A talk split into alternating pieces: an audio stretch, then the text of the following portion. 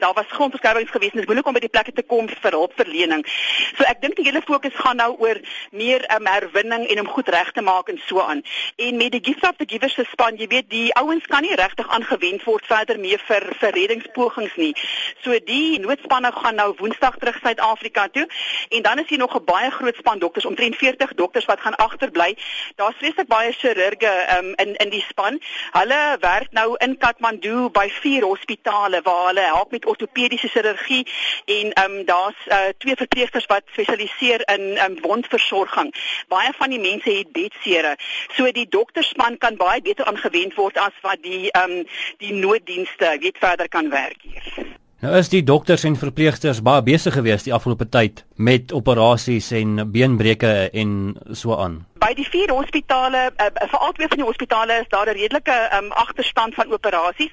Hulle het seker nou al omtrent seker 30 gevalle gehanteer, jy weet breuke wat hulle geheg het. Um, gister was ek byvoorbeeld saam met dokters by Hospitaal wat hulle 'n skouerbeen reggemaak het en 'n ou met 'n gebreekte enkel.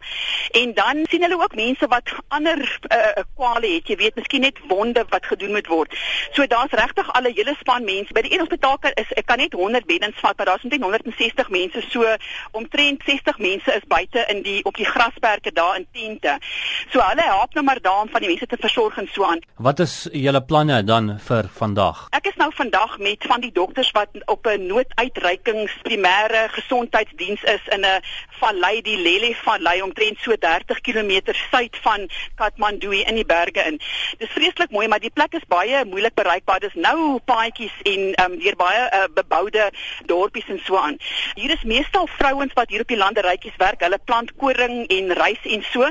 Baie van die mans werk in die stad of in die buiteland. Ek um, sit nou in teedring by iemand wat um, in Dubai werk. Die mense is nou maar hier met algemene medisyne vir kroniese kwale en dies meer. So hulle fokus nou baie op meer um, gesondheidsdienste. En soos ek sê, die die nooddienspanne gaan Woensdag terug Suid-Afrika toe. En ek verstaan ook dat die skole toe is vir die maand. Wat gebeur in daardie opsig? Baie kinders gaan skool toe in die stad terwyl hulle ouers in die dorpies buite Kathmandu woon. So die skole is nou maar net toe vir veiligheidsredes en om in die stad op te ruim en so aan. Daar is van die skole ook beskadig van die skoolgeboue.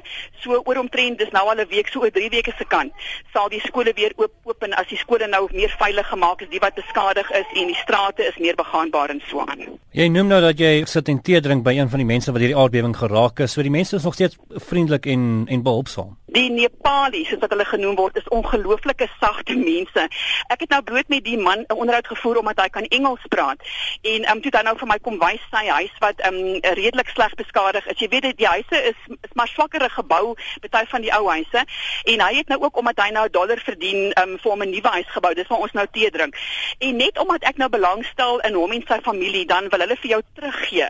Dit het hy nou gebring hier na sy nuwe huis toe en sy vrou het vir my 'n koppie tee gebring en die kindertjies speel hier om en so dis ongelooflike sagte, warm mense wat baie respek toon um, vir vir buitelanders en vir almal wat het, wat net met hulle ordentlik in gaaf is.